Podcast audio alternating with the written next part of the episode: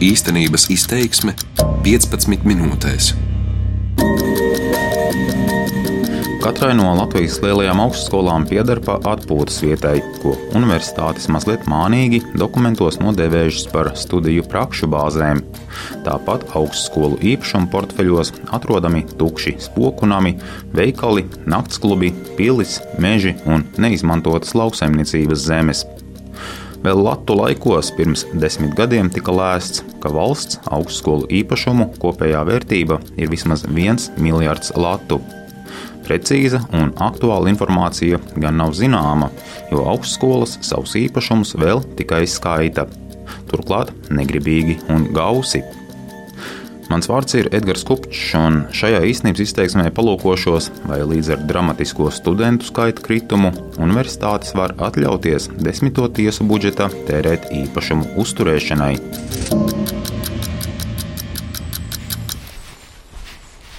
LLU Angures prakšu un atpūtas bāze. Tāds uzraksts uz vienas no ēkas sienām. Te es redzu tādu norādi uz toaleti un dušām. Ap pašu māju ir apvilkta lente, kas varētu nozīmēt, ka šī ēka nav droša.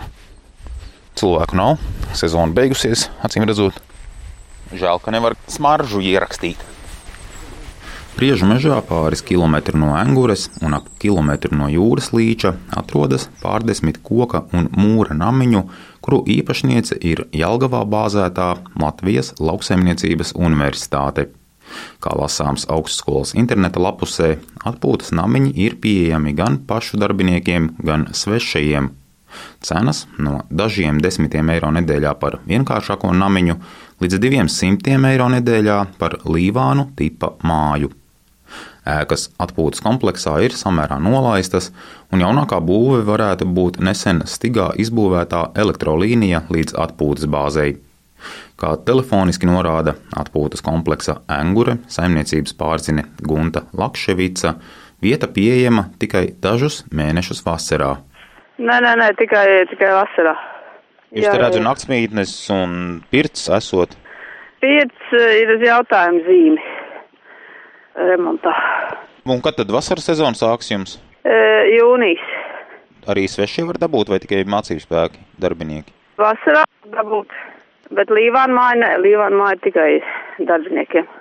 Pašlaik Lauksaimniecības universitāte gatavo derīgo un mazāk vajadzīgo īpašumu sarakstu, atzīst augstskolas kanclers Ziedonis Helvigs un nekustamā īpašuma speciāliste Zaiga Šube. Vēl jums ir tur angurē tāda atpūtas bāze, ne? Ir universitātei. Cik tā ir liederīga? Nu, darbinieki. Tur vasarā ir iespēja viņiem šajā bāzē izmantot to atpūtē. Pagaidām, pagaidām vēl nav plānots vēl atteikties no šī īpašuma. Pagaidām ir liederīgo sarakstā. Nu, Nu, tas jau universitātē ir vēsturisks īpašums. Viņā ņem vērā arī tās vēsturiskās tradīcijas, kas ir, kas ir universitātē tomēr.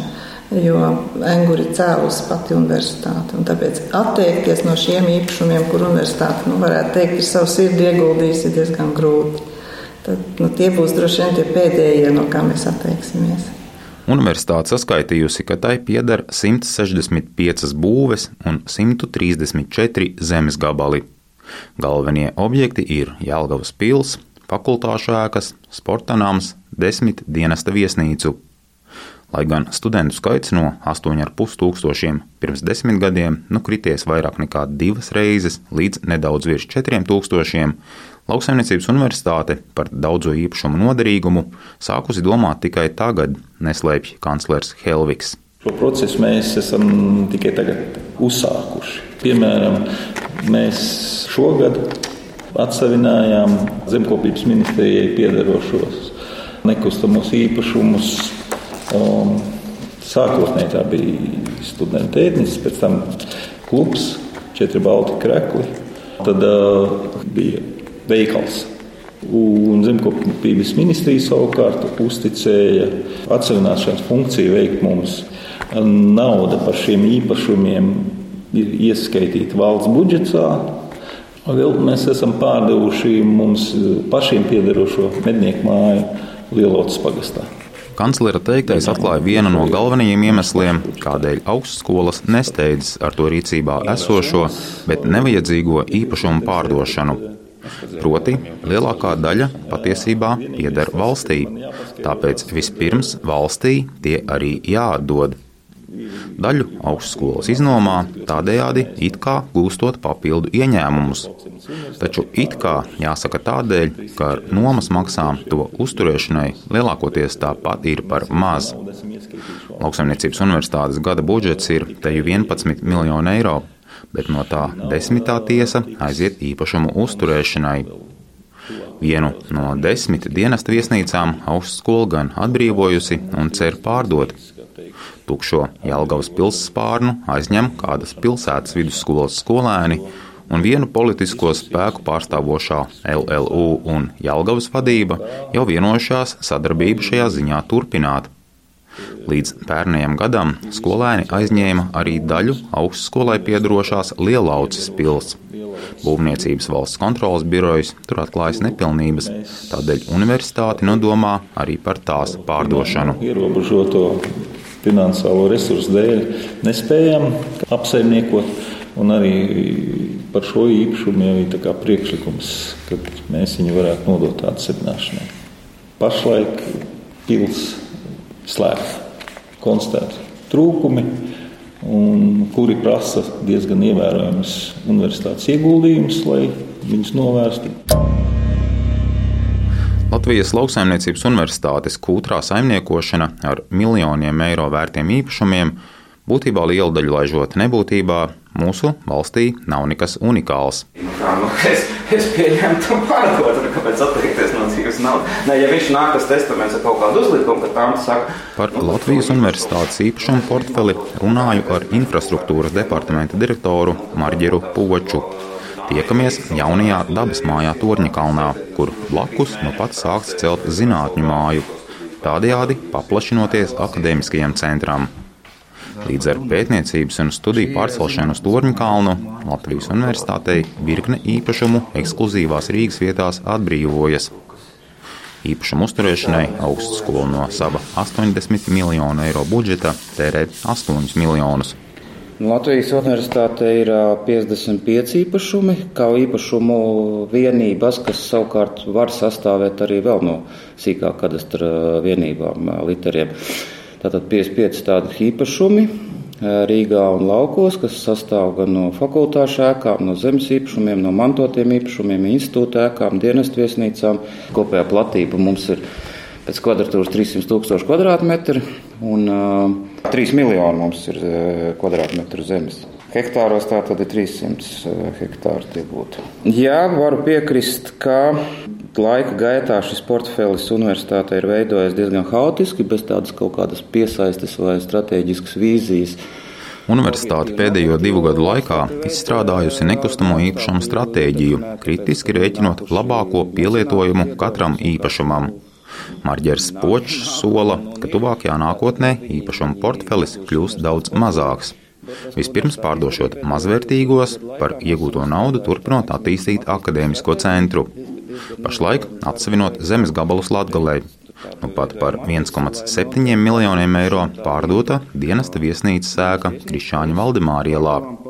Tikmēr 10 miljonus eiro vērto namu Kronvalda bulvārī universitāte izsolīta nesteidzas. E, jā, tā šī ir tā ēka, no kurienes pārcēlās uz šo jauno ēku, bioloģijas fakultāti. Viņa ir vērtīga. Viņa ir, tas nezinu, viņa ir Rīgas centrā. Šī ēka ļoti vērtīga, un, protams, mēs vienmēr viņu varam pārdot. Mēs viņu laižam īstermiņa nomā. Šobrīd tur notiek filmē dažādas simtgadus filmas. Tukšu ēku vispār nav Latvijas universitātī tādu īsti tukšu. Ir dažas ēkas, teiksim, ir institūts mums teikā, kas ir materiāla mehānikas institūts aizkrauks ielā, diezgan ievērams īpašums, bet nianses ir tāda. Viņš ir nodots mums valdījumā, tas nav īsti universitātes īpašums, līdz ar to mums īsti liela motivācija ieguldīt svešā īpašumā. Nu, nav. Un tas ir viens no īpašumiem, no kura mēs visdrīzāk atbrīvosimies arī Kāda atpūtas bāze jums nepiedaroja kaut kas? Par lauku īpašumiem runājot, jā, mums ir atpūtas bāze Ratnieku līgatnē, milzīgs komplekss. Viņš ir, ir peļņu nesošs, tirgus dalībnieks normāls. Mēs mm, kāzas tās pašas. plusos ir. Un, un, un viņš tādā veidā, protams, ir vajadzīgs. Nu, viņš nav akmens kaklā un, un, un, un tik, nu, jā, viņš ir vajadzīgs mums.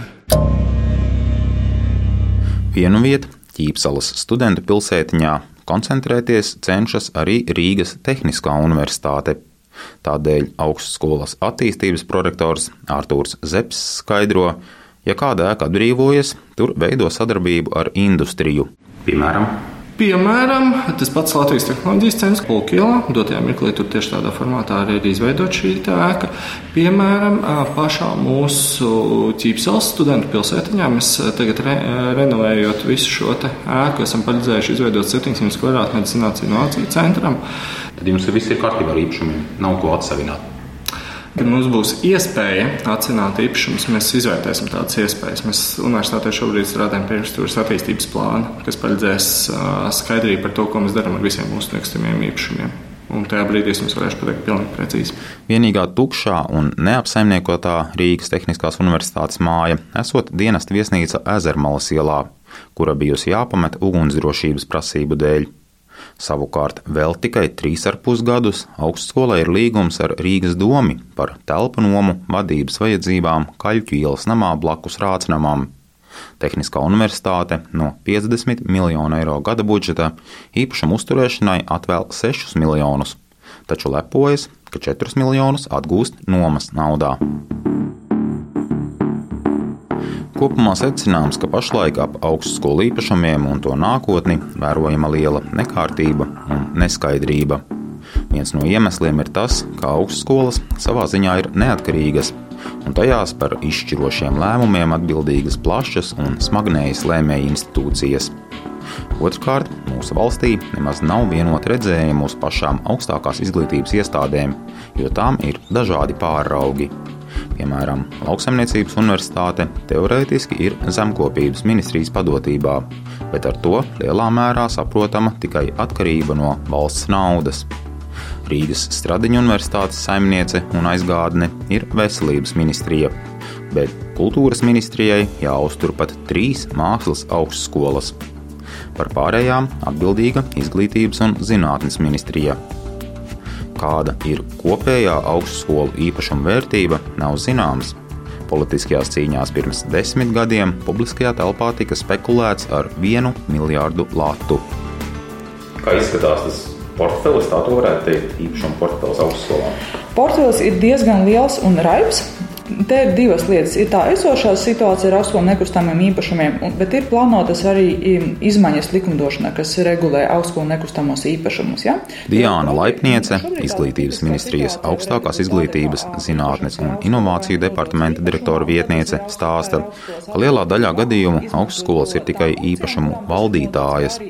Tas nozīmē, ja izglītības iestāde jūt, ka nams vai zeme tai īsti nav noderīgi, īpašums būtu jādod valstī. Valdība savukārt pamanījusi, ka augstskolas savu darbību sākušas koncentrēt vienu vietu. Tādēļ tās gribētu daļu īpašumu pārdot. Bet tagad ir tā, ka tā situācija ir nu, diezgan neskaidra. Pirmkārt, var nu, pieteikties nu, cita valsts iestāde, un tad auskos faktiski nu, sēž uz savu nekustamo īpašumu portfeļu un neko nekustina. Ja? Jo tad sanāk, ka nu, viņi virzīs, nu, viņi iespējams ir ja, ieguldījuši līdzekļu šī īpašuma attīstībā, viņi ir izdomājuši, ka nu, tur viņi tad, teiksim, neveiks pētniecību vai neizteno studiju procesu, ieguldīs par atsevināšanu iegūtus līdzekļus tajā, savā centrā, bet tad viņi var kā, faktiski palikt bez šī īpašuma. Nu, šobrīd līdz ar to situācija ir tāda, ka tas, tas vienkārši nu, netiek īsti tāds kustināts, un šobrīd mēs gaidām no finanšu ministrijas ka viņi izstrādās um, grozījumus ministru kabineta noteikumus par šo te atsevināšanas kārtību.